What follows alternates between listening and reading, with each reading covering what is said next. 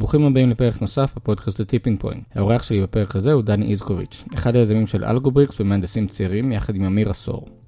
אלגובריקס הוא סטארט-אפ בתחום Education Tech, המשלב רובוטיקה, לגו, לימוד קוד וכמובן הרבה הנאה למשתמשים שלו. אלגובריקס העלו קמפיין לקיקסטארטר, ונכון להיום הם בין 300 הקמפיינים היחידים אי פעם שהצליחו לגייס מעל מיליון דולר ואף זכו בתחרות GESA היוקרתית. התחלנו את השיחה שלנו במעבר כללי על תעשיית ה EdTech, על המשיכה שלו לעולם הזה בתור מרצה צעיר באוניברסיטה והחוויה השלילית שרוב הסטודנטים עוברים בעולם ההנדסה, ההשקעות הצומחות וההזדמנויות בתחום, הפערים והסיבה שגרמה להם לפתח מוצר ללא מסך. משם עברנו לקמפיין שעשו בקיקסטארטר, בו נבחרו לקמפיין הסטם מספר 1. כיצד הצליחו להתבלט, איך ניגשו לקמפיין, מה למדו על רישום פטנט, מה צריך לעשות לפני הקמפיין? ואילו קהילות וקבוצות צריך להקים במהלך ולפני הקמפיין. בסוף גם דיברנו על הקושי בייצור בסין, למה זה כל כך כדאי, מאילו בעיות צריך להימנע, למה חשוב המידלמן ואיך להתמודד עם תשובת הכן האוטומטית שלרוב מקבלים. האזנה נעימה.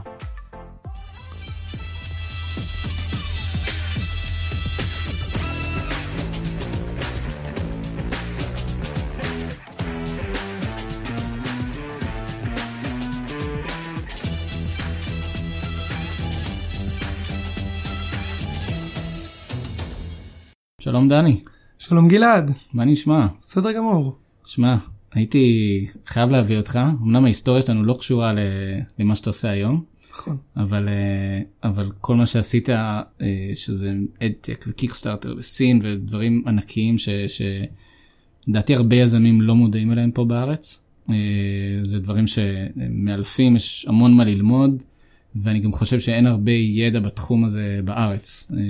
רואים את זה על חנות השקעות ורואים את זה על, על אין הרבה פרויקטים בקיקסטארטר שהם מוצלחים, יש פה הרבה מאוד דברים קשים.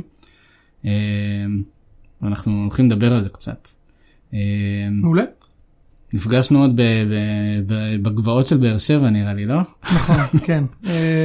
אתה רוצה לספר איפה נפגשנו? זה יישמע כמו איזה סיפור רומנטי נראה לי, אתה היית המרצה ואני הייתי התלמיד, קורס אוטומציה זה היה וקורס תשתית טכנולוגיות. תשתית טכנולוגיות. היית אחד המרצים הצעירים אני זוכר תמיד היינו נכון. רגילים לפגוש אנשים ככה בני איזה 50 פלוס ופתאום נכנס איזה מישהו ואתה לא בטוח אם הוא סטודנט שמשלים איתך את הקורס או מרצה. כמה היית אז? הייתי, כשהתחלתי להרצות הייתי בן 28. וואו. האמת שהסמסטר הראשון שלי הגעתי, זה דווקא סיפור משעשע. כי אני הולכת עם הלפטופ על הגב. ועל על, כאילו בתיק ולא ב- בתיק צד. ובסמסטר הראשון שהתחלתי להרצות אז אה, זה, זה, עוד לא, זה לא היה המחזור שלך. ובאמת כשנכנסתי לכיתה קלטתי שהסטודנטים לא קולטים אם אני סטודנט או מרצה אם אני אחד חדש ולא ראו אותו עדיין. אתה זה שבא. לסדר את המסך ואת כן. ואחרי כמה שיעורים כאלה הבנתי שצריך לבוא קצת שונה שהם יבינו שאני כאילו קצת יותר מבוגר למרות ש... אז התחלתי לבוא עם לפטופ בצד וחולצה מכופתרת רק שיראה כזה יותר רשמי. כן. טוב אה, אז אז כן אז שם הכרנו גם היית אני זוכר שקיבלת כזה כל מיני אה, ד- מרצה מצטיין ודוקטורט מצטיין ודברים שהם היו אה, בתור אה, סטודנט אתה מאוד מעריך את זה כי מרצה מצטיין זה לאו דווקא אתה יודע כזה. אתה עוד- האמת שקיבלתי זה, זה אה, גם סיפור נחמד אני אה, אה, קיבלתי בעצם תעודת הערכה מהסטודנטים. זהו שזה, כי- שזה אני מאוד מאוד אוהב ללמד ואני מאוד אוהב את, את עולם ההוראה אגב זה כבר מקפיץ לנו שבעה צעדים קדימה ב- בעצם למה אני עושה היום את מה שאני עושה. כן. אז באמת אה, גם בהרצאות שלי תמיד ניסיתי לעשות דברים יותר מעניינים יותר וידאו יותר לאתגר את הסטודנטים אגב. זהו, אז הס- הקורס שלך באמת היה כזה on אני זוכר הרבה מאוד אה, יושבים עד, עד אמצע הלילה בשביל ל- ל- לתכנת כל מיני זרועות רובוטיות שעוד מעט גם אה, תיגע בתחום הזה נראה לי. נכון לגמרי. כן. ואיכשהו אתה גם איכשהו יש לנו גם מן הסתם מסתבר עבר משותף בתחביב השחייה. נכון. גם אתה היית אה, אבל אתה נראה לי היית קצת שחקן יותר בולט בתחום. אה, בגיל אה, מסתבר כן שהרבה לפני היום, אני מחשיב את עצמי לבן אדם שיודע לעבוד קשה אוהב לעבוד קשה. אני מייחס את זה בעצם לרקע שלי מעולם השחייה אני בגיל אה, 14-15 הייתי שחקן תחרותי והייתי אלוף הארץ ב-100 ו-200 פרפר. זה תחום קשה פרפר. כן. תמיד אה, נתפס הגב וכאלה בסוף. אני אה, תמיד אמרתי שאני טוב בזה כי פשוט כולם מתעייפים יותר מהר ממני. כן. זה הקטע אז אני שורד. ככה אה, ואיכשהו הגעת לאלגובריקס, נכון. שזה גם, טוב, זה גם קשור לרובוטיקה או תכנות, וזה גם קשור לכל עולם ה EdTech וההוראה.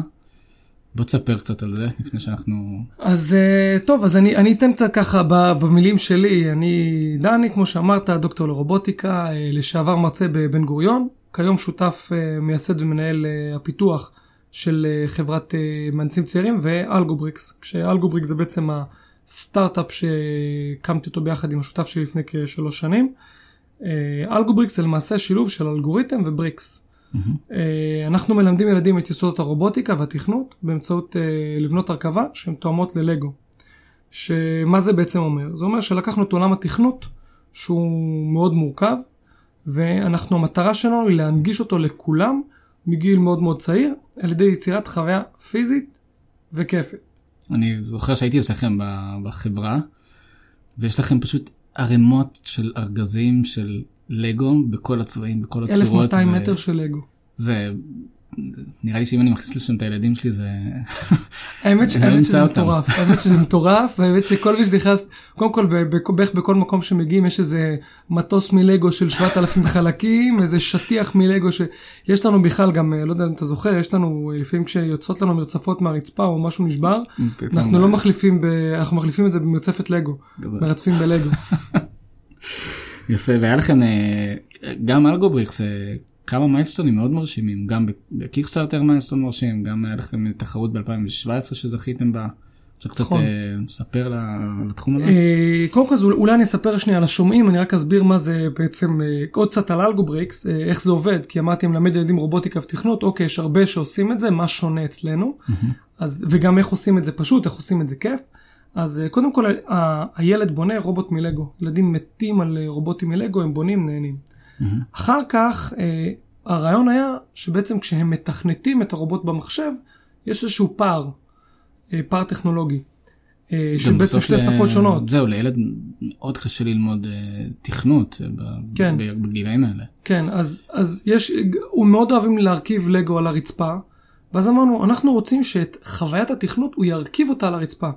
אז בנינו, אה, בעצם לקחנו לגו של המאה ה-21, כל לבנה, כל חלק, חלק, חלק לגו חדש שאנחנו יצרנו מייצג פקודה תכנותית, למשל, סע קדימה, תעשה צליל אה, וכל מיני דברים דומים. הילדים מחברים את הלבנים אחת אחרי השנייה, שזה בעצם הרצף התכנותי, לוחצים פליי, ואז הרובוט מבצע את זה. Mm-hmm.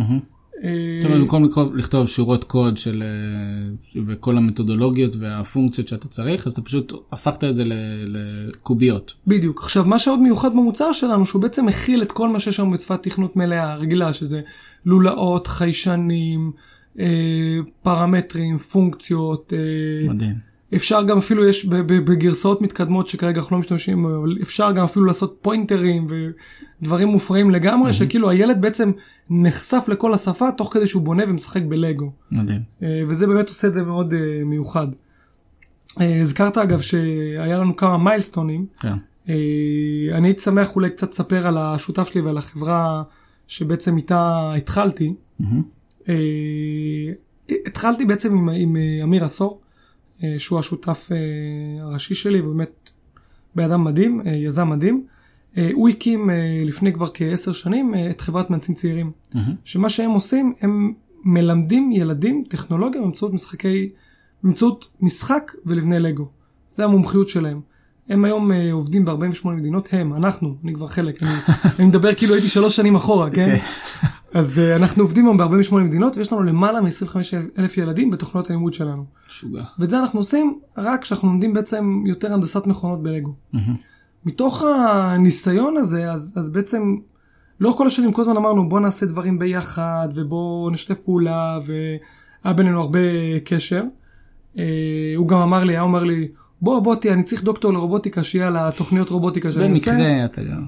אז הייתי אומר לו, תקשיב, אני דוקטורנט, אני עדיין לא דוקטור, חכה שנייה. אה, ואז בעצם נוצר מצב שבעצם ראינו את, חווינו את אותה בעיה משתי כיוונים שונים, וכל הזמן היינו נפגשים, הוא היה, יש לו עשרות רעיונות, אה, והוא היה שואל אותי כל מיני דברים, ו... ואז הוא בא ואמר לי, תשמע, אני, אה, אני שם לב שבזמן שילדים נהנים ללמוד הנדסת מכונות, כי זה חוויה של משחק. Mm-hmm. כל הנושא של התכנות, שאנחנו לומדים אותם דרך מחשב, זה לא חוויית משחק. והם לא נהנים, ואני רוצה, יש לי פער, דיסוננס. זהו, זה גם לא, הפער הזה זה, זה חוסר נגישות, זאת אומרת, אתה כן. לא תושיב עכשיו ילד מול מסך ותגיד לו, תכתוב for i אחד, כאילו שווה ככה וככה, אז ת, תעשה כל מיני דברים. יש פה כאילו איזשהו פער של, כן, גם פער נגישות, גם פער שפה, אה, שזה אגב חלק מהעקרונות של איך שהדבר הזה בנוי. אה, ומהצד השני, אני באוניברסיטה אה, כל הזמן נתקלתי בסטודנטים, והסטודנטים אה, היו מגיעים לקורסים שלי, לשמחתי אני הייתי בקורסים היותר hands on, כן. והסטודנטים היו צריכים לעשות דברים hands on, והם היו צריכים להתמודד עם המחשב, וזה היה כזה קטע של, תשמע, נכון שאנחנו לומדים הנדסה, אבל לא באמת צריך את כל הקטע הזה של ההנדסה, זה לא כיפי. ובעצם אה, הרגשתי שהבעיה היא לא, הרבה, רוב הסטודנטים אחרי שהם עברו איזה שלב או שניים, כמו משחק מחשב, אתה עובר איזה שלב או שניים במשחק מחשב, הם פתאום נהנו. כן, הרבה מאוד סטודנטים אמרו לי, תשמע, בואנה, היה כיף. לא ידעתי שאני אוהב תכנת. איזה מגניב. ראית מה... הרבה פעמים הייתי רוצה, אתה הזכרת שהרבה פעמים הסטודנטים שלי נשארו עד שעות מאוחרות בלילה במעבדה.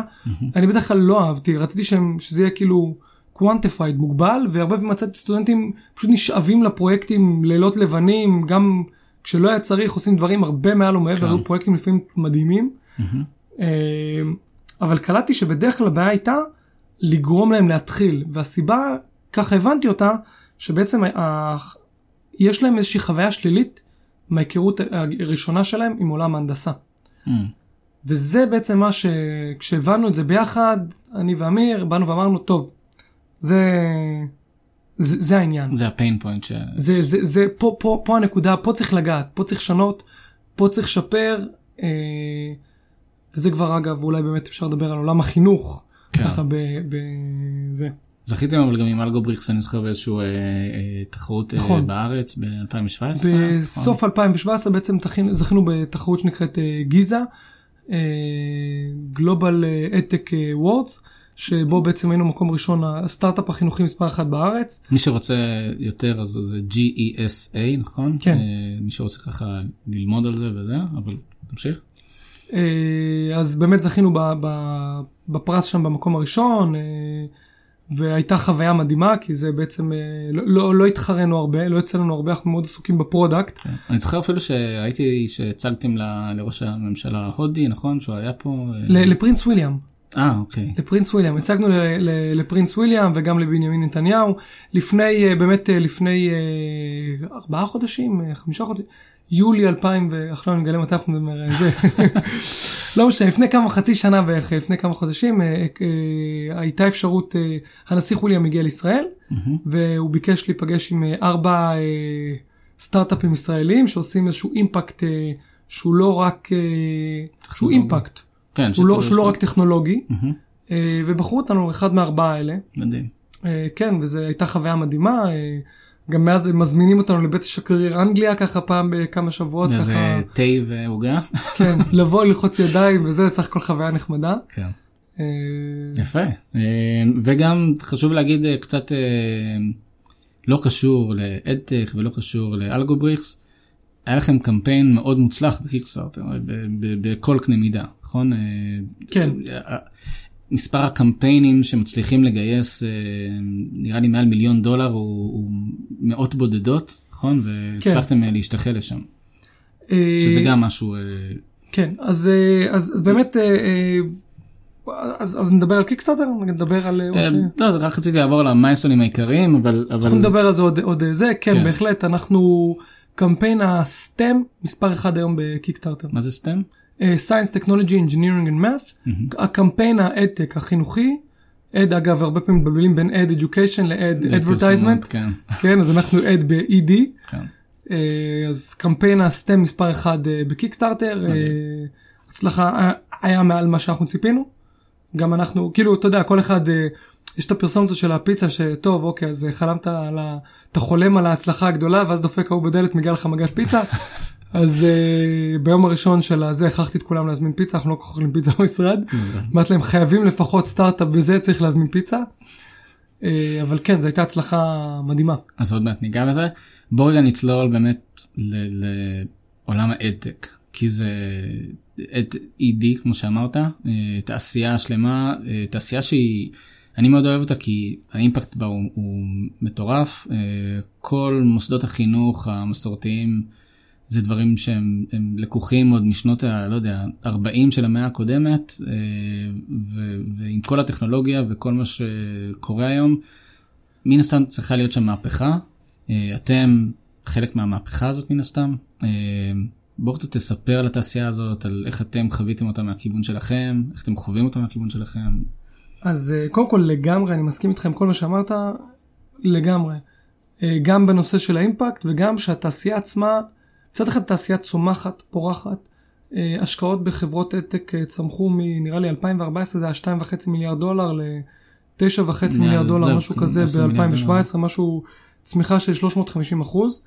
הסיבה לכך היא באמת שעולם החינוך היום הוא נשאר, אני, הילדים שלנו היום לומדים כמו שאנחנו למדנו, אנחנו למדנו כמו שההורים שלנו למדו, כן. ואם נלך אחורה נדמה לי שזה לא משנות ה-40, זה, זה 200 שנה אחורה מאז המהפכה התעשייתית, mm-hmm. כשרצו בעצם לשים אנשים בכיתות, ללמד אותם ככה עושים 1, 2, 3. פונקציה ותלמדו. תרוצו, זה, זה מה שעושים. זה כמו הבדיחה הזו של הגשש של אה, לך תזכור. כן. כאילו זה בדיוק. משהו ש...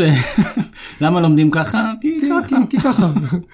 אבל הילדים היום צריכים משהו אחר לגמרי, הם צריכים חשיבה יצירתית, יוזמה, אה, לחשוב מחוץ לקופסה, ומצד שני יש להם גירויים אינסופיים, כאילו בוא נאמר את האמת, אני לא יודע אם אתה זוכר, יש לי משפט, אה, בטוח אתה לא זוכר, כי אף אחד לא זוכר את זה, אבל כשאני הייתי נכנס לכיתה, יש לי תמיד משפט שאני מרצה, אני אומר, תקשיבו, אה, הפלאפון שלכם פחות, יותר מעניין ממני, לא יעזור, הוא מתחיל לרטוט, מגיע איזה אס.אם.אס, ב-אס.אם.אס אין כלום אגב, שתדעו, אני אומר לכם מראש, אבל הפלאפון יותר מעניין ממני, הוא מושך תשומת הלב. אה, ואני חושב על הקושי שלנו כמבוגרים שלא גדלנו לתוך הדבר הזה, אה, להתמודד עם עולם הלימוד, אה, אז על אחת כמה וכמה ילדים שוואלה, עכשיו נכנסת מורה לכיתה, והיא מספרת איזה סיפור, והיא כותבת על הלוח, ואומרת בוא נפתח את הספר בעמוד 35, כן. והילד לא מבין מה ספר, יש לי בבית קינדל, הוא בכלל לא מבין מה היא רוצה ממנו, כן. והוא כבר טכנולוג מטורף, והוא אז... שואל למה אני צריך לקרוא ספר אם יש לי סרטון ביוטיוב שעושה לי... מסביר את זה. מסביר את כל מה שאני צריך. אגב, הפרק לפ... לפניך, אז זה פרק עם, אה, עם מישהו שההתמחות שלו זה, זה בעצם העברת מסרים. איך אתה, איך אתה עושה העברת מסרים כמו שצריך. אה, וזה חלק מהבעיות שיש היום בעולם העתק. זאת אומרת, כמו שאמרת, נכנס מורה, מורה לכיתה, והקושי שלו להתמודד על הקשב של התלמידים, הוא אינסופי. זאת אומרת, יש לו, בסוף לתלמיד יש מחשב ביד שנותן לו את כל המידע שהוא רוצה, בכל וריאציה שהוא רוצה, ועכשיו לך תסתכל על מישהו שכותב מספרים על הלוח, או לא משנה כן, מה. כן, לגמרי. אה, קשה מאוד. אה, אז, אז בעצם אחד הדברים שהיו חשובים לנו, כשאנחנו הסתכלנו, מזיהינו את הבעיה, הבנו את ה... גם רצינו שימצא לך זה יהיה כיף, אבל אז התחילו לעלות לנו כל מיני דברים שהיו לנו חשובים. למשל, אנחנו מאוד רצינו שהמוצר לא יכלול מסך.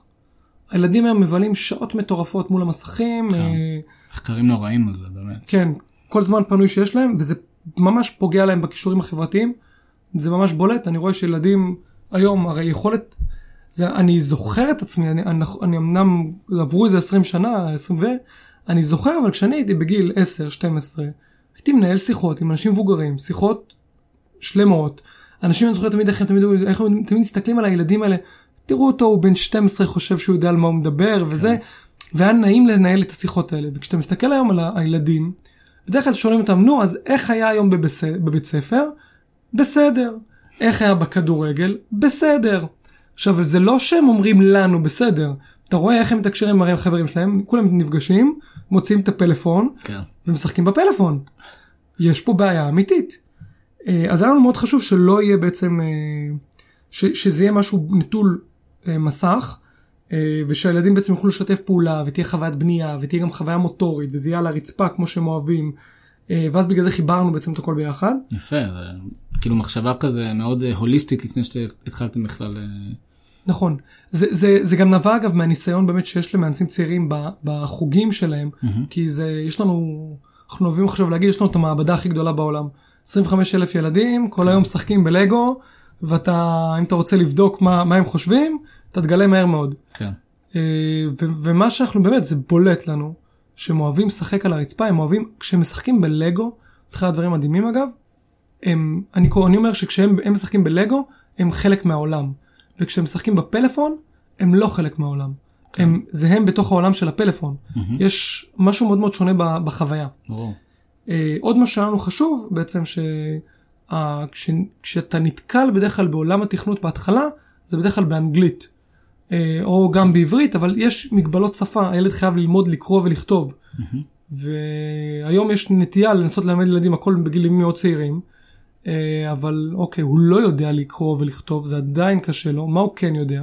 הוא מכיר ציורים, ציור של רכב, ציור של צליל, ציור של חיישן, כי הוא מכיר את זה, כי יש לו את זה בפלאפון עם השלוש רמות של העוצמה. כן. אז הוא יכול להבין חיישנים, הוא יכול להבין מה זה רכב, הוא יכול להבין מה זה נסיעה. הוא פשוט לא יודע לקרוא ולכתוב, הוא מכיר ציורים. אז גם המוצר עצמו, בנינו אותו ככה שהוא אה, יתאים מגיל אפס, שהוא מבוסס על דברים שהם עושים מגיל אפס, שזה ציורים. אה, הדבר, עוד משהו אגב שהיה חשוב, למה היה חשוב הבלי מסך? כי זה בעצם מאפשר לי לחסוך את המחשב. אם אני רוצה להגיע למדינות עולם שלישי, נכון המוצר שלנו הוא לא הכי יקר היום בשוק, אבל כשמבינים שלא צריך מחשב, זה הופך אותנו לזולים בכמה וכמה רמות בעצם מכל אחד אחר. כן. אני יכול להגיע לכל הכיתות, זה ממש פשוט. אה, חשוב לי כן לציין אבל שאם אחרי מה שפיצ'ר נחמד שיש לנו במוצר זה שאפשר לחבר אותו אחרי זה למחשב. מיציתם את האלגובריק, סיימתם, אתם רוצים להתבגר ולהתקדם, אפשר לחבר אותו למחשב, הוא יפה. מממשק כי יש בלוטוס וזה כל הרעיון. מדהים. כן. אה, בוא נדבר עוד קצת על אתק אה, בכלליות, כי אנחנו רואים באמת את, ה, את התנועה הזאת אה, של הלימוד הישן ללימוד חדש, אז אתם אומרים, בוא, אתם אמרתם בוא נלך למקום שאין בו מסכים ואין בו דברים כאלה. גם דיברנו על, אה, על, אה, על זה שההשקעות שם גדלות וגדלות, זה לדעתי כאילו אנחנו, אתה יודע, בשנים הקרובות נגיע לעשרות מיליארדים, אם לא יותר. יש עוד טרנדים מעניינים בעולם הזה, עוד דברים שאתה רואה שאתה יודע, ש- שבתור יזם שעכשיו רוצה להיכנס לתחום הזה, כי, כי זה באמת תחום או עולם שהוא מאוד אה, יבש, אה, נקרא לו מבחינת חדשנות. זאת אומרת, יש, אני אני מניח שכל יזם ששומע את זה אומר, בואנה, אני יכול, יש לי אלף רעיונות על, על דברים שאפשר לעשות אחרת בעולם. אז קודם כל אגב, אה, אני חושב שבאמת אה, מי שנמצא בתחום הזה הוא באמת אה, יחסית אין שם הרבה פעילות מבחינת כמות חברות. כן. יש, יש מה שנקרא מקום אה, להיכנס ויש המון מה לחדש. קרקע פוריה. כן, קרקע פוריה לעבוד עליה. ומצד שני, כולם רוצים, בעצם אין הורה היום שלא רוצה שהילד שלו, אם כבר הוא משחק בצעצועים, בוא נעשה אותם חכמים, שלפחות הוא ילמד מזה משהו. מבחינת טרנדים, אני חושב שאפשר לראות המון קורלציה בין עולם ה-IoT, Internet of Things, שבעצם הדברים נעשים הרבה יותר מקושרים. אה, וכשאני אה, מדמיין בעצם את החוויה, כשאני חושב אגב על הכיתה העתידית, אני הייתי מאוד רוצה לראות ילדים, מורה נכנסת לכיתה, הכיתה מתחלקת ל-7, 8, 10 קבוצות, כל קבוצה 3-4 ילדים, לכל קבוצה כזאת יש איזה מוצר טכנולוגי. למשל, במקרה שלי אני חושב על אה, אלגובריקס עם איזה מפה וכרטיסיות ורובוט שהם נוסעים ומשחקים איתו, אבל זה לא חייב להיות, זה אפשר גם ללמוד עם אותם, אותם טכנולוגיות, אפשר אולי לעשות איזה משהו שקשור לאנגלית, משהו שקשור לחשבון, אה, אה, תנ"ך. היסטוריה, כן, היסטוריה, למה שאתה לא? אה, שכל קבוצה בעצם היא לומדת אה, מתוך החוויית משחק שלה, כי בעצם הדברים נעשים כל כך טכנולוגיים שכבר הם מאפשרים, והמורה עוברת בין הקבוצות, כל הקבוצה מתקדמת בקצב שלה, והדברים בעצם כל כך טכנולוגיים שאפשר אה, באמצעות העולם של ה-Internet of Things, גם העלויות מתחילות להיות כאלה שאפשר לעשות את זה, אפשר לעשות דברים לדעתי זה קרקע פוריה מדהימה.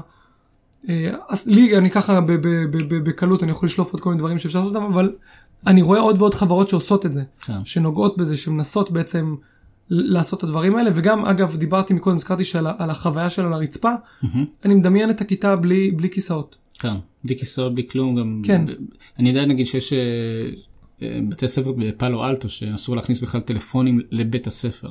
זאת אומרת, יש כאן, אתה יודע, יש כאן הבנה שנשבר משהו במערכת, ועכשיו אתה רואה ש- כן. שמתחילה חדשנות, מתחילים כל מיני חוקים שהם בסיסיים כאלה כמו אין טלפונים.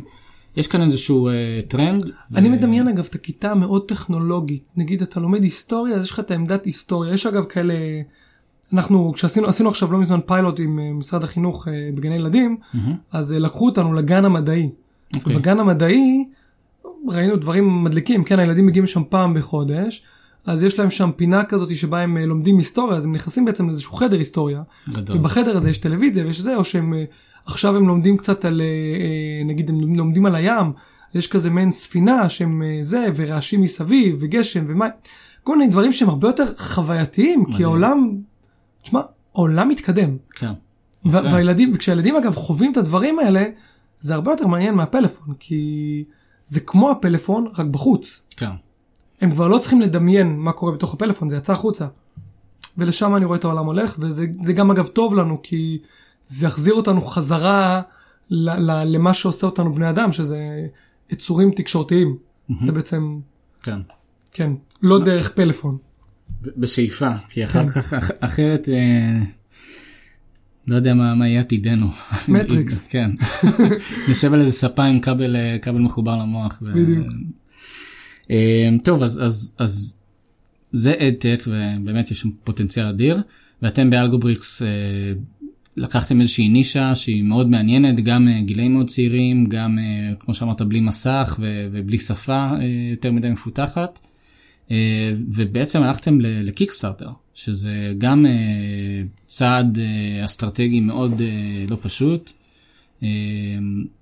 בוא תספר לנו קצת על זה, כי זה, זה מה הוביל אתכם לשם, ובכלל uh, יש, יש שם, יש שם המון uh, בעייתיות, כי גם אתם הולכים לאיזשהו uh, מוצר שיש לו שני סוגי לקוחות, יש את הילדים שאתה צריך להלהיב אותם, ויש את ההורים שאתה צריך למכור להם איזשהו חלום, כי הם בסוף אלה ששמים את הכסף ומחליטים להכניס את זה הביתה. יש כאן סיבוכיות מאוד גדולה. בוא, בוא קצת אז, אז אולי אני, אני קצת אדבר על, על קיקסטארטר ובעצם למה ללכת לקיקסטארטר? כאילו מה מה מה הפואנט אתה הזכרת אגב שלא כל מי שהולך לקיקסטארטר מצליח. אני אגיד אחרי זה גם שזה עולה הרבה כסף זה לא זול. mm-hmm. ואז נשאלת השאלה באמת למה קודם כל. אז uh, המטרה שלנו הייתה המטרה שלנו היא עדיין אנחנו לא אנחנו מעוניינים המוצר שפיתחנו הוא לא מיועד למוסדות חינוך הוא מיועד לבית לאנשים הפרטיים, אנחנו רוצים להגיע לכל בית בעולם. Mm-hmm. דרך ההגעה לבתים אנחנו נגיע גם למוסדות החינוך ואנחנו רואים שזה אגב זה קורה, זה עובד. אה, אגב, ובעצם... נגיעה קטנה לגבי המשפט הזה, כי, כי אתה רואה, להגיד שאתה רואה שמוסדות החינוך מתחילים לאמץ כאלה דברים, אם מישהו רוצה לראות, נראה לי את החלוצה בתחום, זה באמת אה, מערכת החינוך בפינלנד, אני חושב. כן, לגמרי. שהם פשוט מחקו את בית הספר, עשו עליו Shift Delete, ועכשיו הם בונים את הכל מחדש, וראיתי כמה כתבות על זה, וזה פשוט אה, מדהים, אני אשתדל לשים איזשהו לינק לאחת הכתבות, אבל זה, זה פשוט מרתק, מי שכן רוצה לצלול לתחום של הייטק. מערכת החינוך בפינלנד באופן כללי היא מרתקת, היא מעניינת מאוד.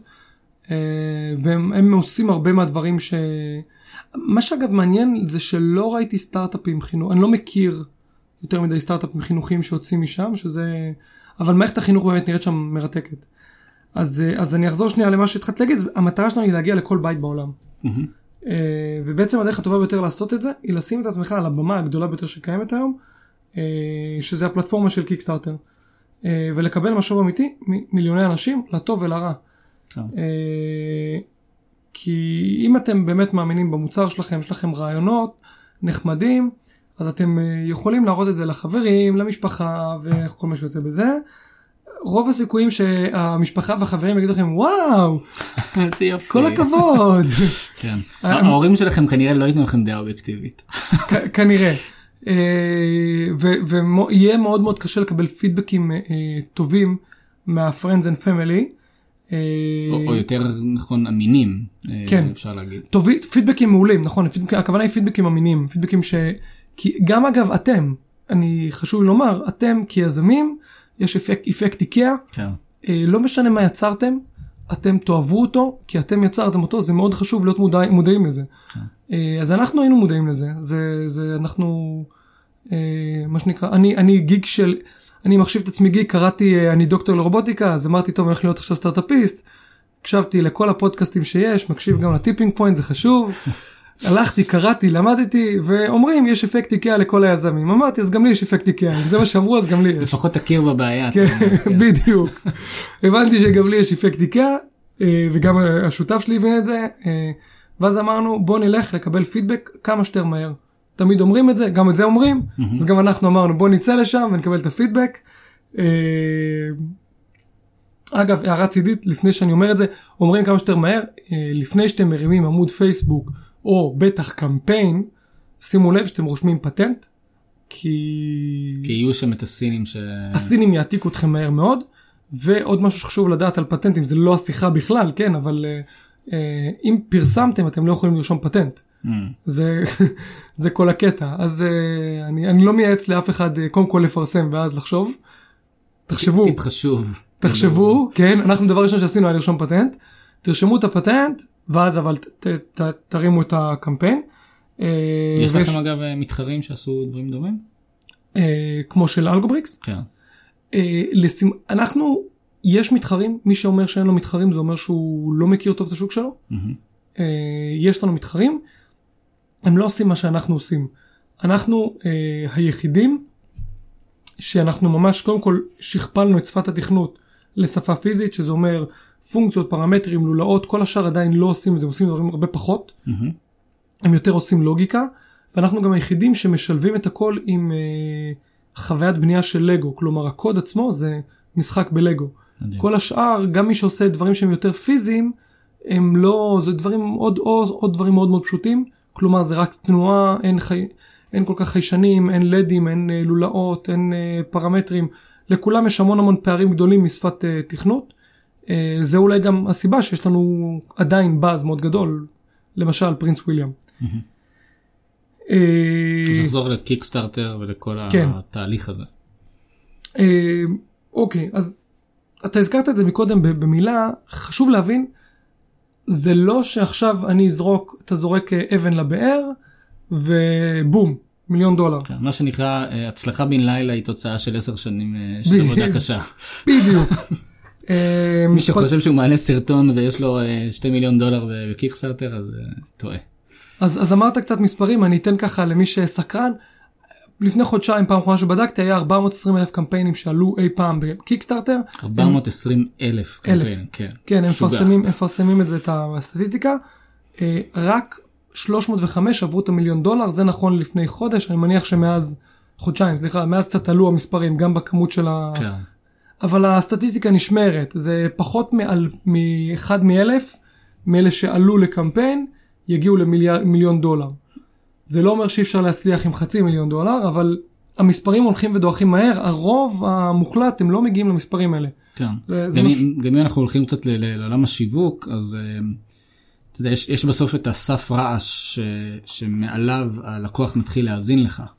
אה, וככל שעולים יותר ויותר פרויקטים, וכולם, אז בעצם סף הרעש עולה. זאת אומרת, אתה פחות בדיוק. ופחות שם לב לפרויקטים שאולי לפני שנתיים בקיקסטארטר היית שם היית לב אומר אליהם. וואו איזה מגניב אה, יש מצב שעכשיו הם פשוט אה, יעברו מתחת לרדאר. כן. אה, אז כן, אתה אומר פחות מאלפית האחוז בשביל אה, להגיע לפרויקטים אה, שהם אה, מיליון דולר ומעלה? כן. וואו, זה... ואתם מטורף. אחד מהם, נכון? אנחנו אחד מהם. כן. כן.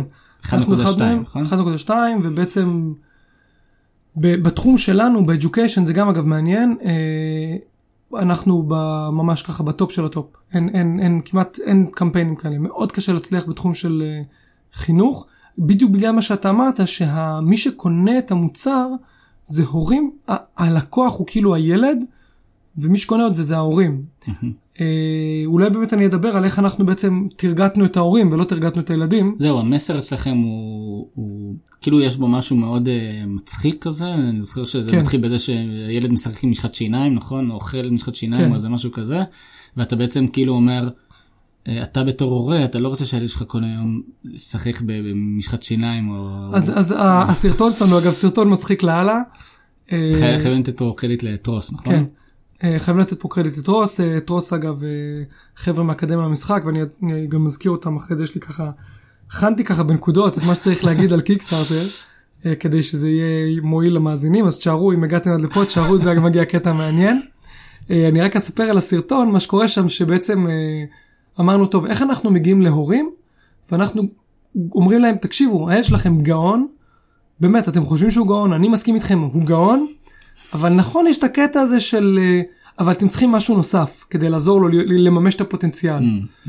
ואז אמרנו, ואז באמת זה עלה, מש, זה, זה עלה בצוות של טרוס, באקדמיה לצחוק, אמרו, אמרנו בוא נעשה משהו מצחיק, חשבנו על כל מיני דברים, היו כמה דברים מזעזעים שעלו על הפרק, אמרנו לא, לא, לא, זה יש מצב זה יהרוג את הקמפיין, אבל אז עלה פתאום הרעיון, אני כבר לא זוכר מי העלה את זה, אמר, בוא, נ, נ, אה, זה מהצוות של טרוס, בוא, נ- בוא, נ- בוא נעשה מצב שבו נכון הילד שלכם גאון, ונכון אתמול, למרות שהוא גאון, ראיתם אותו אוכל משחת שיניים, אוקיי, בואו תעזרו לו במקום לאכול משחת שיניים אה. לתכנת.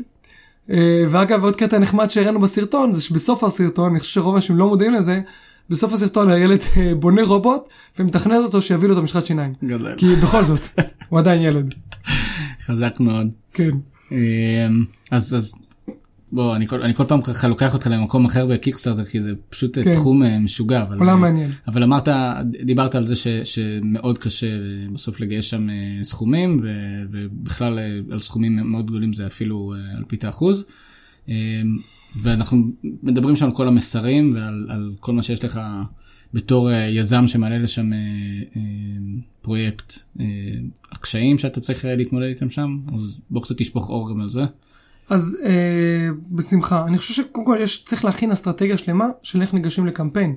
זה לא... צריך להכין לוז מדויק של מה קורה מתי לפני הקמפיין, בתחילת הקמפיין, הקמפיין עצמו אגב הוא מאוד, אה, הוא מסחרר בפני עצמו ואז הלוז שלכם יתבחבש בכל מקרה. אה, חשוב להכין את הרשתות החברתיות. אה, לבנות איזה מיני community כזה נכון ש... כן. שידחוף אם, את המוצר. אם אין לחברה עמוד פייסבוק, להרים אותו יומיים לפני, זה לא יעזור לכם. אנשים רוצים לראות שהחברה קיימת. גם אם אתם עכשיו, אתם יודעים, prototype ראשון ורואים ערימה של חוטים ואין שם כלום ושום דבר, אנשים רוצים לראות את זה. הם רוצים לראות שהם משקיעים בחברה קיימת ולא באיזה מישהו שהולך להיעלם להם מחר בבוקר. כן. אה, חשוב גם לייצר רשת שכוללת אה, לא רק את המקצוענים, ואת המקצוענים זה, אנחנו נדבר עליהם מיד גם, גם רשת משלכם, אה, רשת שתעזור לכם כי זה עבודה, הקמפיין עצמו בפני עצמו הוא עבודה. אה, חברים, משפחה, משפחה, קרובי משפחה שלא שוחקתם 30 שנה, למרות שאתם בני 20 והם בכלל גרים באנטארקטיקה ואתם ב, באיגלו ואתם בכלל מוכרים בגדי ים. בסדר, לגייס את הוא בג- כולם. לגייס את כולם, לא משנה, זה, זה נשמע מצחיק, אבל אתם צריכים ממש, אה, כל מי שאתם רק יכולים ברשת, לכלול אותו, אה, זה יסייע לכם, אה, וזה באמת מוביל אותי אה, לנקודה הבאה, שאתם צריכים להרגיש בנוח אה, לאבד את הבושה. אה, וכשאני אומר לאבד את הבושה, זה לא התכוונתי סתמו בבגד ים באנטארקטיקה, בסדר? אה, למרות שאגב לדעתי זה קמפיין ויראלי מאוד, כן. כן, אה, תוסיפו את החתול, אני- ואיזה תינוק שם ברקע. ולשפוך דלי מים היה פעם כזה משהו עם כן. דלי מים גם. כן, ותעשו תעשו את האתגר. אני לא יודע מה אתם מוכרים, כנראה זה יגיע למיליוני צפיות. אבל uh, הכוונה, הכוונה שלי לאבד את הבושה שאתם אתם צריכים להרגיש בנוח לפנות לכל מי שאתם מכירים ולגבות את, ה, את כל הטובות שאי פעם עשיתם למישהו, ואם אתם לא עושים טובות, תתחילו, בסדר? כי אתם צריכים לגבות טובות במהלך הקמפיין. Uh, זה אמיתי, באמת, המון המון אנשים עזרו לי במהלך הקמפיין, המון קבוצות, uh, אנשים שלמשל אני הייתי, ב, הייתי כתב של הכדור הכתום. אוקיי. אה, בלוג על כדורסל. בלוג, אה, בלוג NBA שיש בו 10 אלף צופים, אה, לפני שעלה הקמפיין אמרתי להם תשמעו לחבר'ה שכותבים איתי בעמוד, אמרתי תשמעו זה הכי לא קשור בעולם, לא ביקשתי כלום אף פעם, אני חייב לכתוב פוסט, אתם תעזרו לי?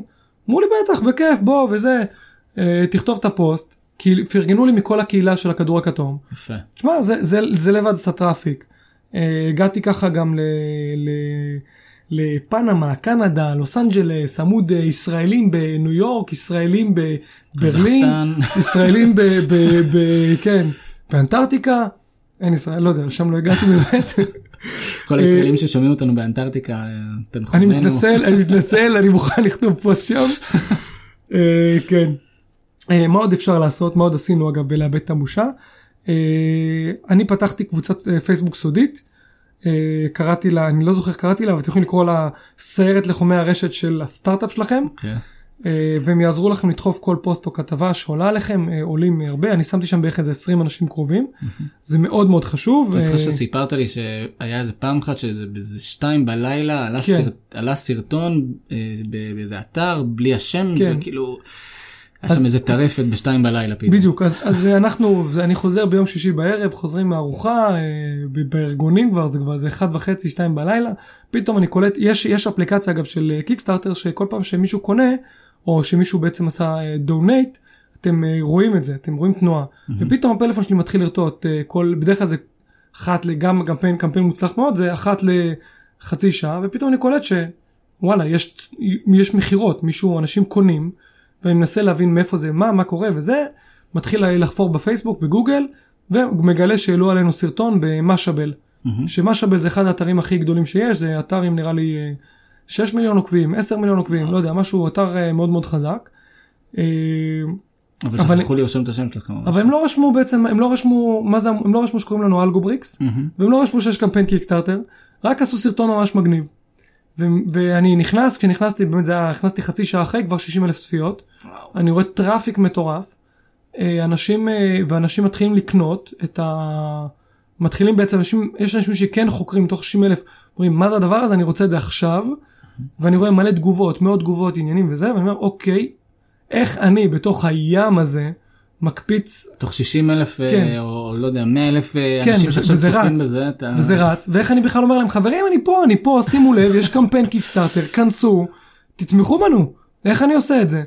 אז uh, מהר מאוד כתבתי תגובה, שמתי uh, תודה רבה על העמוד וזה, ורשמתי, ואגב העמוד היה נחמד ולא ראיתי את התגובה שלי, אבל שוב, יש אה, נראה לי מאות 200 תגובות. קומנטים בדקה, בדיוק. איך אתה... ואז כל הסיירת פייסבוק שלי שאמרתי, כתבתי להם מי ער בשתיים בלילה, אה, הראה סימן שאלה? בדיוק כתבתי להם אה, אה, הראה סימן שאלה ומהר מאוד כל החבר'ה התגייסו והתחילו לכתוב שם תגובות אה, לדעתי אגב זה עדיין התגובה הכי נצפית וזה מזל כי הם פשוט השאירו את התגובה שלי למעלה שבאה ואומרת חברים הנה הקמפיין.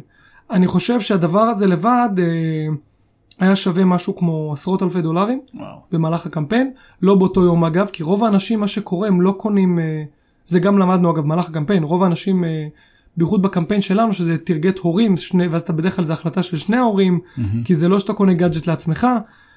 אז רוב האנשים לא נכנסו וקנו רוב האנשים נכנסו שלחו את זה לבן זוג שלהם וחזרו אחרי שבוע וקנו. כן. אז בעצם זה ש... וגם התגובה שלי הייתה למעלה עזרה להם פשוט למצוא את זה כל הזמן זה פשוט זה היה שווה עשרות אלפי דולרים ה- הסיפור הזה אז אני ממליץ בחום אה, יפתחו סרט אה, סרט חברים סרט ש- חברים. שעוזרת ב- ב- כן. בלקדם את הקמפיין. אני רוצה אה, לתת עוד טיפים אני... אה, אוקיי. הדבר הבא זה שאני רוצה- המקום. זה המקום כן אני רוצה אני רוצה שאחריי יהיו הרבה אנשים שעשו קיקסטארטר ויצליחו. יאללה. אה, היזמים הישראלים אולי אולי בסוף יהיה לי שתי, שתי מילים להגיד אה, משהו שראיתי על וואי קומבינטור אה, שאמרו על הצלחה בסיליקון וואלי. אני רושם. מעולה. אני חושב שצריך להשקיע במקצוענים ובשיווק. מה זה חושב? חובה להשקיע. כדי להצליח אתם צריכים להקיף את עצמכם בנבחרת שיודעת את העבודה. אנחנו, אה, אגב, לקחת את הכי טובים וגם אתם צריכים להבין שאתם צריכים לשים כסף מהבית. אני לא יודע כמה זה עולה היום, אני גם לא רוצה להיכנס למספרים. זהו, גם יש, יש את הנושא הזה ש... אה, מניח שכל אחד שנחשף לקמפיין קיקסטארטר בתור אה, אפילו מישהו שרוצה לקנות, אתה, נראה לי שאתה נרתע קצת מפרויקטים שעדיין לא עברו את הסף שהם קבעו לעצמם, נכון? כאילו אם נכון. אתה רואה פרויקט של, אה, שהוא דורש 100 אלף דולר ואתה נכנס, כן. אתה רואה שהם עשו רק 20 אלף, אתה אומר, טוב, אז אני אבדוק אותם עוד שבוע, ואז אתה שוכח, וכאילו... בדיוק. זה אגב אחת הסיבות שחובה לעשות pre-campaign. מהמם, ומה זה pre-campaign? pre-campaign אתה מעלה עמוד אה, פייסבוק, מהמם. אה, עמוד פייסבוק, אתה מעלה עמוד אה. אתר, landing page, וב landing page אתה כבר בעצם אומר לאנשים אתם רוצים לקנות, בואו תיכנסו לרשימת התפוצה שלנו, ואנחנו נשלח לכם מייל ברגע שאנחנו נעלה לאוויר. אה, מתוך כוונה ש-X מתוכם באמת ירכשו את המוצר. מתוך כוונה שאחד המוצר. מ-500 נגיד יקנה את המוצר, אז זאת אומרת שאתם צריכים לאסוף את ה-5 ל-10 אלף איש כדי שיהיה לכם משהו כמו 100, 200, 300 קניות כבר ביום הראשון, Mm, ושהם יהיו מוכנים. זה אגב גם, גם בכלל אגב תגייסו את מה שאתם יכולים ברגע הראשון כי כאילו שאנשים אם אתם יודעים שיש אנשים שיכולים לתמוך בכם שיתמכו לא אחרי יומיים אלא ברגע העלייה לקמפיין כי מה שקורה זה שכל מי שמגיע לקמפיין הוא בעצם לא רוצה להגיע למסיבה ריקה. מהמם. אתם כן. מכירים את זה אתם מגיעים לסיבה נכנסתם למועדון המועדון ריק אתם אומרים אוקיי זה לא מועדון טוב נצא החוצה. לעומת זאת נכנסתם למועדון אתם יודעים שהוא נפתח עכשיו וכבר יש רשימת המתנה עשרה אנשים בחוץ מחכים איך שנכנסתם כן. בום אתם רואים שעשרה אנשים כבר קנו. כן. היה, היה איזה תקופה כזאת שלפני איזה עשר שנים שככה מקס ברנר היה עובד. נכון. היית, לא משנה, בית קפה ריק, יש רשימת, יש כאילו רשימת. המתנה. כן. אז, אה, אז ככה, זה, זה התחושה שאתה צריך לתת אה, למי שנכנס לעמוד שלך. בדיוק אז מאוד מאוד חשוב אה, תארגנו את האנשים האלה ואת ה- מה שאתם יכולים כדי שהמסיבה לא תהיה ריקה. אנחנו עשינו פרי קמפיין מאוד מאוד מוצלח ובאמת גייסנו שם את הכמה אלפים וכמו שאמרתי מתוכם צריך להבין שהרוב רק רוצים עדכון הם לא רוצים לקנות את המוצר זה פשוט מעניין אותם לעקוב אחריכם מהמם. זה גם משהו שחשוב להבין. אז דיברתי על המקצוענים אני רוצה לתת המלצה חמה על אה, טרוס ובלונד 2.0, מהמם. שהן אה, שתי חברות ישראליות, שמאחוריהן אה, טרוס עושים יותר בדרך כלל את ה... זו חברה של data mining בפייסבוק, אה, והם עושים קמפיינים, ובלונד הם חברת PR, Public Relation. אה, הם ב- ביחד וגם נראה לי כל אחד לחוד יש להם כל אחד יותר מעשרה קמפיינים של מיליון דולר. וואו. אה, זה מדהים איך ש... גם כשאתה מסתכל על הפאנל שדיברת מקודם, בדיוק. של פחות מאלפית בשביל להגיע למיליון דולר, אז רק הם יוש- יושבים על פרויקטים של... אה, כן, לדעתי, אני חושב שיש מצב טוב שאנחנו אה, מעצמת אה, קיקסטארטר פה בישראל, ויש פה שתיים אולי מחמש או שש החברות הכי טובות בעולם שיודעות לעשות אה, קמפיינים, אז תנצלו את הידע הזה פה בארץ, אה, אין סיבה שלא. יפה. אה, גאווה ישראלית מה שנקרא. לגמרי, האמת שבאמת לגמרי, וגם אנשים מדהימים, אנשים שכיף לעבוד איתם, באמת, אה, הם... הם אה, נראה לי הישיבות איתם זה כאילו כמו מופע סטנדאפ או משהו, לא? הם כולם כן, שם מאוד. בטרוס הם כולם קומיקאים. מאוד מצחיקים, מאוד, מאוד משעשע. ההכנות אגב, בעיקר ההכנות, כי אתם רוצים סרט סרטון שהוא מעניין, ואז הרבה פעמים עולים הרבה מאוד רעיונות מפגרים, כי ככה אתה רוצה, אתה רוצה זה, וזה קורע מצחוק. אה, עוד משהו שחשוב להבין זה שאתם צריכים ללכלך את הידיים. שילמתם למקצוענים, המקצוענים בסוף היום, לא, לא בקטע מזלזל, הם מקצוענים, אבל יש להם עוד קמפיינים. אתם היזמים, זה נשמע נדוש, אתם יודעים הכי טוב מה הכי טוב לחברה שלכם, מה נכון לחברה שלכם, ואתם צריכים אה, ללכלך את הידיים, לייצר עוד ועוד ועוד תכנים, כל הזמן לייצר תכנים, לייצר traffic אורגני. כן. אה, במקרה שלנו אנחנו הקמנו setup צילומים אצלנו במשרד, אה, צילמנו עוד ועוד ועוד תכנים, ניסינו עוד ועוד מודעות, אה, ולקחנו בערך איזה חודש, אחרי איזה חודש פתאום אה, אחד העובדים שלנו, אה, עידו וולנסקי אגב, יצר סרטון stop motion, שהיה ממש ממש חזק. בא, הראה לנו את זה, אגב הוא לא, הוא לא יצר סרטון stop motion, הוא פשוט שלח לי רצף תמונות כזה, צילם את מה שהוא צילם, הוא שלח לי את מה שהוא צילם בווידאו, כדי שנראה את כל התמונות. הסתכלנו על זה, זה יצא stop motion קורע מצחוק, מגניב לאללה, הראינו את זה לטרוס, הם עפו על זה, אמרו בוא נריץ את זה, וזה באמת נתן boost מטורף לקמפיין. אה, שגם היה שווה הרבה. ובכלל אנחנו אגב הסטנו הרבה מהמשאבים שלנו במהלך הקמפיין, אה, המתכנתים, אני בכלל, אני שכל הפעילות שלי אז הייתה, הייתי עשינו משמרות לילה בלילות, אה, לענות לאנשים, כל מי שרק, כל היום והלילה שלי היה נכנס, קמתי בבוקר, רשמתי Algobrix לראות מה היה ב-24 שעות האחרונות, אם עלו כתבות חדשות, אם יש תגובות, אם צריך לדבר עם מישהו, צריך להגיב, זה עבודה, תלכלכו את הידיים, תעבדו קשה, אין, אין, אין רגע דל. אין רגע דל וזה זה שווה את זה כאילו זה לא כן, גם נתת דוגמה נראה לי מושלמת, בשתיים בלילה עולה סרטון באיזשהו, כאילו, אין לך מושג. אפילו איפה הוא עולה, ואתה צריך כאילו, יש שם אה, מה שנקרא כסף על הרצפה, ואתה צריך, אה, בתור מישהו שצריך עכשיו לגייס כסף, אתם לא יודעים איפה זה יבוא. יש לנו אגב קבוצה נקראת Algobrix קוריאה שלא אנחנו פתחנו מישהו פתח את זה ב Algobrix יש שם כמה עשרות אנשים גדול. זה כאילו דברים קורים אתם צריכים לעקוב אחריהם לראות מה אז למדת קוריאנית? יש לך מקלדת בקוריאנית? לא? אבל האמת שהורדתי אפליקציה לסינית אה, כי אני מנסה ללמוד סינית אני לא יודע כלום זה ממש קשה אה, זה לא עובד עוד, אה, עוד פער של עולם כן. ההייטק נראה לי. כן טוב, יפה. עוד, עוד אה, טיפים להכנה, ל, ל, לגם, למה קורה אחרי, כאילו, גם, גם אחרי שאתה מצליח לגייס? אני חושב שבאמת אחרי שמגייסים אה, חשוב להבין שבעצם מה שקורה שעון החול מתהפך. Mm. ובעצם ברגע ש... היה גיוס עכשיו מתחילים לרוץ. ובעצם צריך לנהל חברה ויש אה, לכם המון אחריות וצריך פתאום להתנהל בייחוד אם זה מוצר פיזי. קיקסטארטר זה תמיד מוצר פיזי כן. כמעט תמיד. צריך להתנהל עכשיו מפעלים בסין ויש לכם הרבה מחויבות לבקרים. אה, שאני אגב לי חשוב אישית להגיד כי יש לי גם בקרים פה מהארץ. אה, אני לוקח את המחויבות הזאת מאוד מאוד ברצינות, אה, אני מאוד מעריך, באמת, בלי הבקרים האלה לא היינו מגיעים לאן שהגענו היום, לא הייתי, לא היינו פוגשים את הנסיך וויליאם, ואני בטוח שהוא נעשה דברים מדהימים, לא היינו מצליחים את זה, אז אני מאוד מעריך את זה, ונגיד בגלל זה, אנחנו כל חודש מעלים אה, עדכון לבקרים, שהוא מפורט בטירוף, אני משקיע בו מאוד, אני נותן בו המון זמן, אז צריך להבין שמאוד מאוד חשוב, הבקרים האלה בסוף היום, הם שמו לכם כסף, צריך להתייחס אליהם בהתאם, לתת להם את הכבוד ה- הראוי, אה, עד כמה שאפשר. לקוחות, כאילו, לקוחות שהם לא סתם לקוחות, זה חבר'ה שהאמינו כן, בדיוק. בכם. זה, זה לקוחות שהם האמינו בכם כשאתם בעצם הייתם רק רעיון. צריך אה, מאוד להבין את זה. מצד שני, גם צריך להבין ש, שבסוף היום לא כל הפרויקטים מצליחים בקיקסטארטר. אה, אנחנו כמובן נצליח ואנחנו נגיע לדלבור מלא זה- ויהיה מדהים וכולם יקבלו בונוסים וזה, אבל, אבל אה, יש פה, זה, זה, זה סיכון שהלקוחות לקחו וצריך לכבד אותו מאוד ולהתייחס אליהם בצורה הכי טובה שאפשר.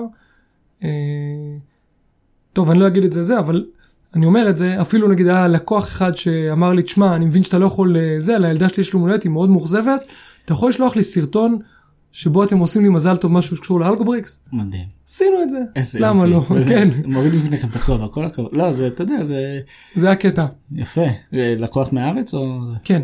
יפה. אה, והיו לקוחות יכול שאגב, להיות שזה, אתה יודע, לא, אה, לא, לא, סליחה, זה לא לקוח מהארץ, זה לקוח מחו"ל. אה, לא מקוריאה אבל. לא, לא, אה, קוריאנית לא, לא, לא, לא עובד לי. כן, יפה מאוד. אה, זה אגב משהו שאתה יודע, זה טיפ, כאילו, שאתה אומר לעצמך, גם אם אה, יש לך את, כאילו הצלחת בקמפיין והכל, הבקרים שלך זה, זה לא לקוח כזה שאתה צריך פשוט לענות לו איזה מייל לקוני של כאילו ככה המוצר עובד ובקרוב יהיה 1, 2, 3. יש פה איזשהו יחס אה, אישי שאתה צריך אה, קצת אה, לצאת מגדרך אה, מדי פעם. אה. כן, אנחנו, תראה, מצד אחד, זה אגב טיפ מעולה, אני ממליץ להכין כמה שיותר מוקדם אה, Q&A, אה, שאלות ותשובות. אה, שמעתי את זה אגב עולה אצלך בפודקאסט ב marketing אה, בשיחות אחרות. כן. אה, אז אה, אני ממליץ כן לעשות את זה, אבל כל מייל, כמעט תמיד בהתחלה אני קודם כל כותב, היי גלעד, thank you for approaching, או זה, אני, מקש... אני קורא את המייל, אני לא עונה אוטומטית. כי כמעט כל אחד יש שם איזה טוויסט.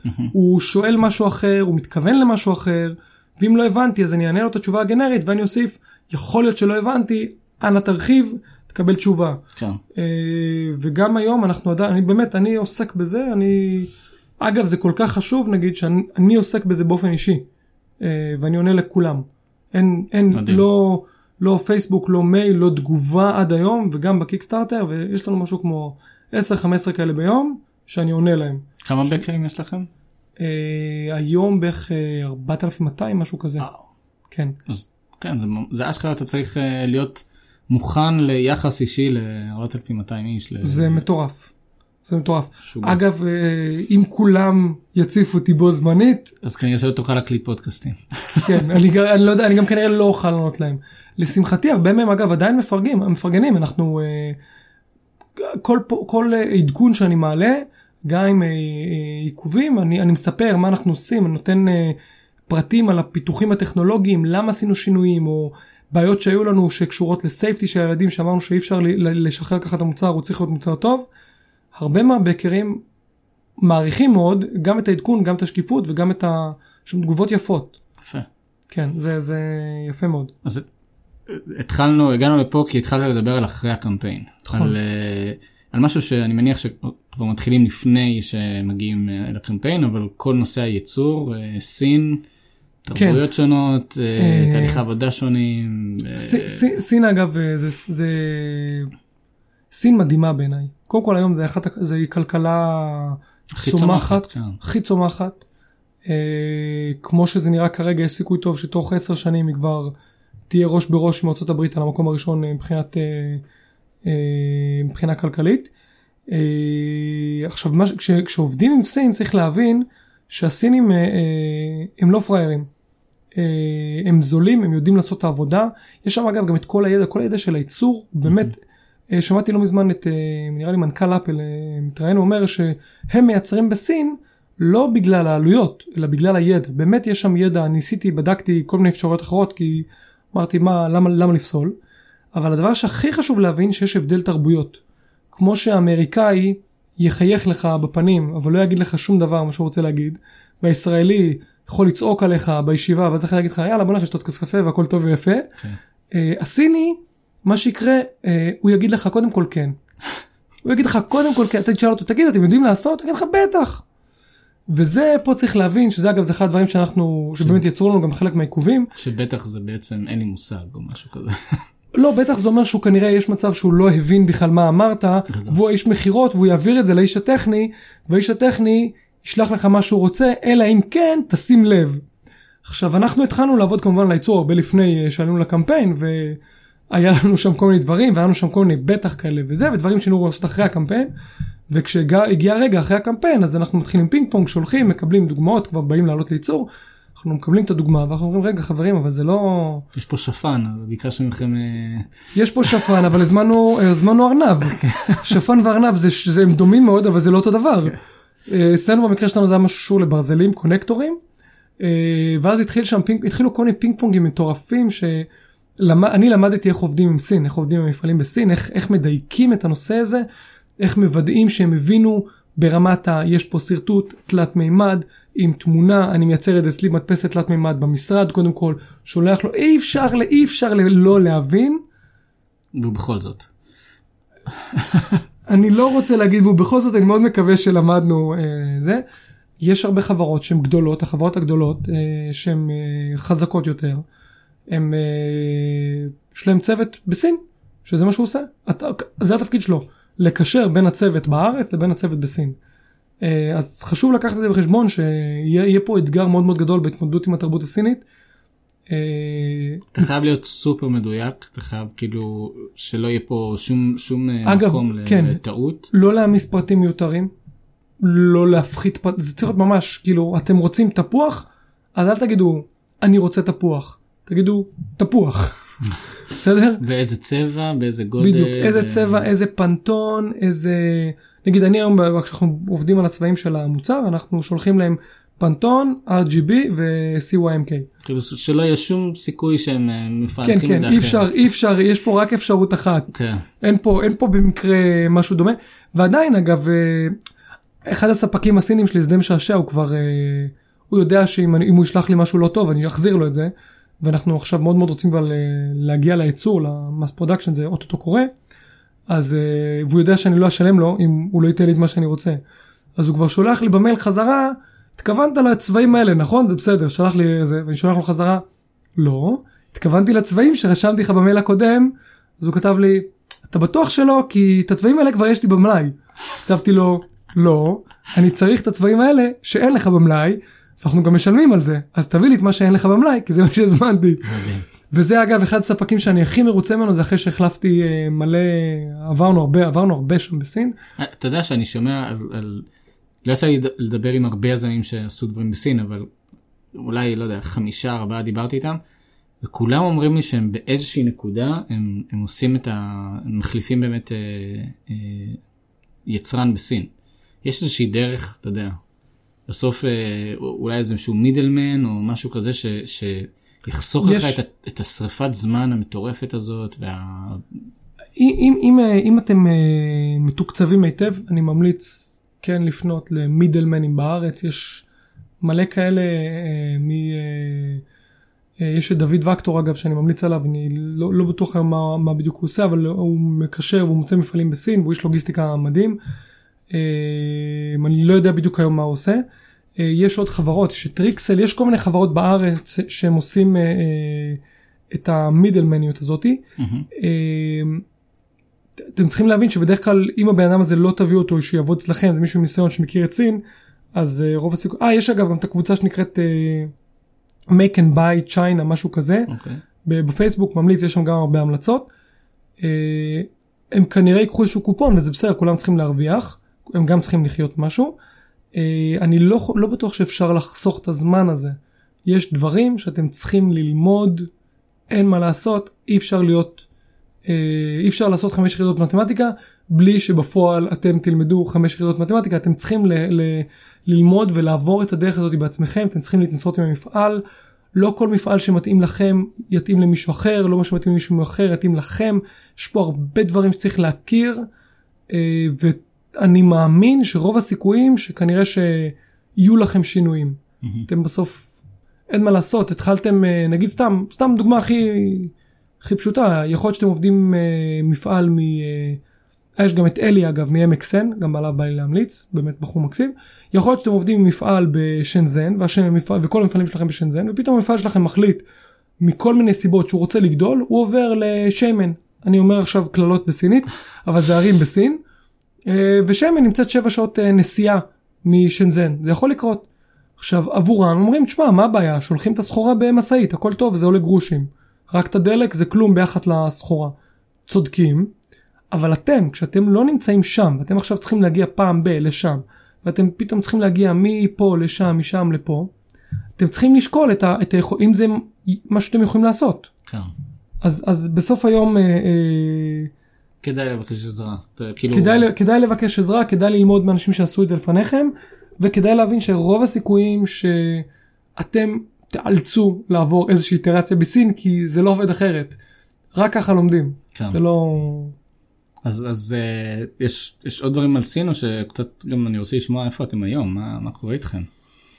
אנחנו, אה, אה, האמת שזו תקופה מרגשת, מטריפה. אנחנו בדיוק מקליטים את הפודקאסט, אני מתכנן לטוס לסין באמת עוד שבועיים בערך. אה, הסיבה זה שאנחנו אה, לוחצים על הייצור, חלק גדול מהתבניות שלנו כבר מוכן.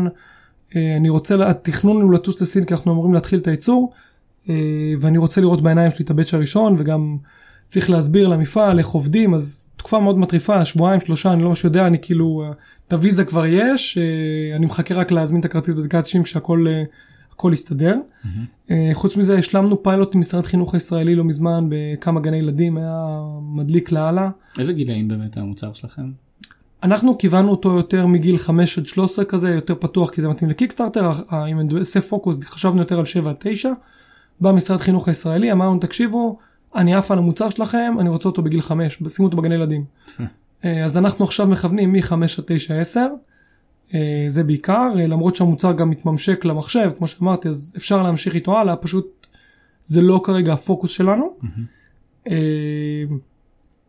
אז, וחוץ מזה גם, גם סגרנו כבר, אה, אנחנו, אנחנו כבר במגעים עם אה, כל מיני מפיצים, תקופה מאוד מאוד, אה, מאוד מרגשת אה, אצלנו, וגם מאוד מלחיצה אגב, כן. כי הילד עוד שנייה יוצא, ואנחנו צריכים לראות אם הוא אה, יפה, כן. ואם אנשים נהנים לשחק בו.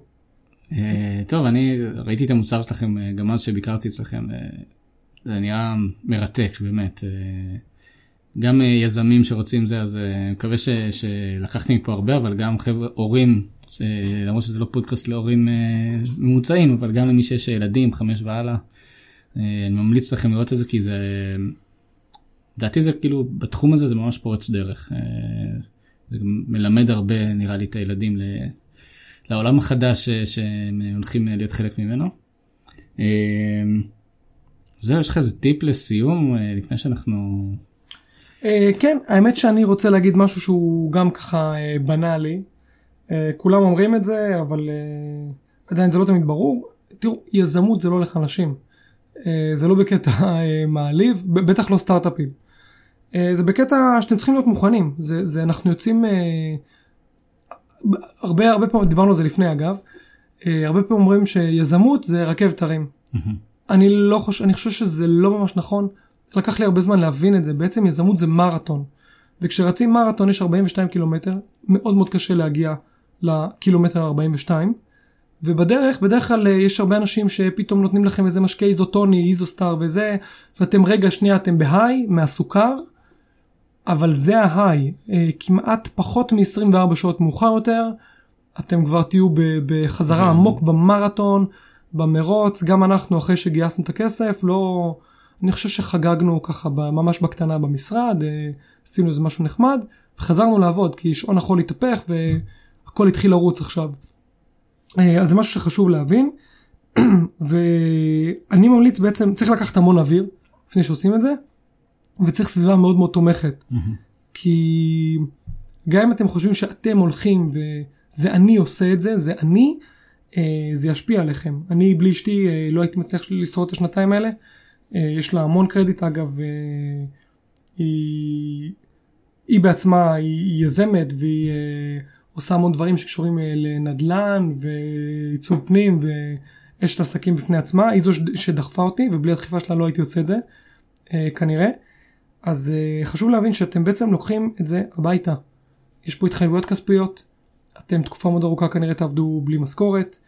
יש לחצים מטורפים, זה לחצים של uh, כן נסגר חוזה, לא נסגר חוזה, זה, פתאום המצב המדיני, יש לכם חוזה לא יודע מה, ופתאום המצב המדיני השתנה, ועסקה אדירה עם איזה מדינה שהייתה פרו ישראל, מחר היא לא פרו ישראל, ופתאום באים ואומרים לכם, תשמעו, מסתכלים עלינו לא טוב בבית, בלא יודע, אוסטריה, גרמניה, אלוהים יודע איפה אפילו, וזה משפיע על החברה שלכם, ואתם רגע שנייה הייתם למעלה ובום.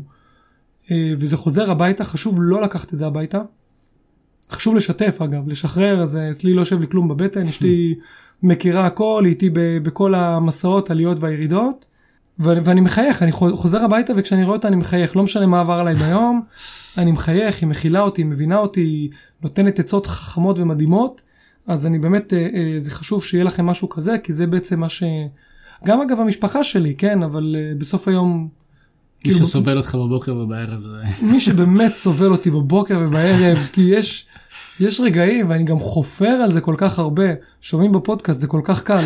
אה, צריך, צריך להבין את זה, זה באמת צריך להבין את זה. יצא לי לדבר עם כל מיני יזמים אגב בארץ, ש, שזה פגע בהם ב, ב, ב, ברמה האישית, אז אה, חשוב לי שזה לא יפגע באנשים, כי לפחות שהם ידעו שהם הולכים אה, להיפגע, עדיף, עדיף לדעת מראש כן. אבל, אבל אני חושב שאם מבינים את זה, אז, אז מגיעים במוכנות אחרת, וגם יש קהילת יזמים, אה, זה אגב, רציתי לדבר על הוואי קומבינטור, עכשיו נזכרתי. כן, רשמתי פה, אה, כן. בדיוק, אה, בוואי קומבינטור שאגב יש להם עשרות אה, הרצאות מאוד מעניינות, מדברים על זה שאחת הסיבות שסיליקון וואלי כל כך מצליח, זה שיש שם הרבה מאוד יזמים ויש שם תרבות סטארט-אפים והם יודעים מה לעשות. אה, ואותו דבר בעצם קורה בארץ, יש המון יזמים, יש המון מי ללמוד, אה, זה גם משהו שאני ממליץ, תבקשו עצות, תפנו לאנשים, תפנו אליי, בסדר? לא בכמויות, בסדר? בקטנה. יש לך- יש לך 4,200 בקר. כן, כן, בדיוק. אבל uh, תראו, מקסימום יגידו לכם לא. מתוך עשרה אנשים אחד יסכים להיפגש איתכם, אה, אחד ייתן לכם טיפ טוב, אה, אחד יגיד לכם, אה, אה, מפעל בסין? תשמע, יש לי המלצה בשבילך, כן. אה, או אין לי המלצה בשבילך. תדברו עם אנשים, תגלו. ובאמת הקהילת, אה, אה, אה, יש כל כך הרבה קבוצות בארץ של יזמים, שזה באמת, זה אחת הסיבות שיש כל כך הרבה סטארט-אפים בארץ, ואנחנו נקראים Start-Up Nation. חלק מזה זה כי יש קהילה לצמוח איתה. זה משהו שהוא, זה טיפ חשוב, תנצלו את הקהילה ותלמדו ותקראו. זהו. טוב, דני, היה מאלף. למדנו על EdTech ועל Kickstarter ועל סין ו... ועל חיי היזם. תודה רבה, היה לי סופר מעניין. היה לי, אה, תודה רבה שהזמנת אותי, והיה לי כיף. אה, וזהו, שיהיה לך ולכולם בהצלחה. תודה. מקווה שנהנתם מהטיפים של דני. מוזמנים לשתף את הפודקאסט ולהירשם אליו דרך אפליקציית הפודקאסטים שלכם. נתראה בפרק הבא.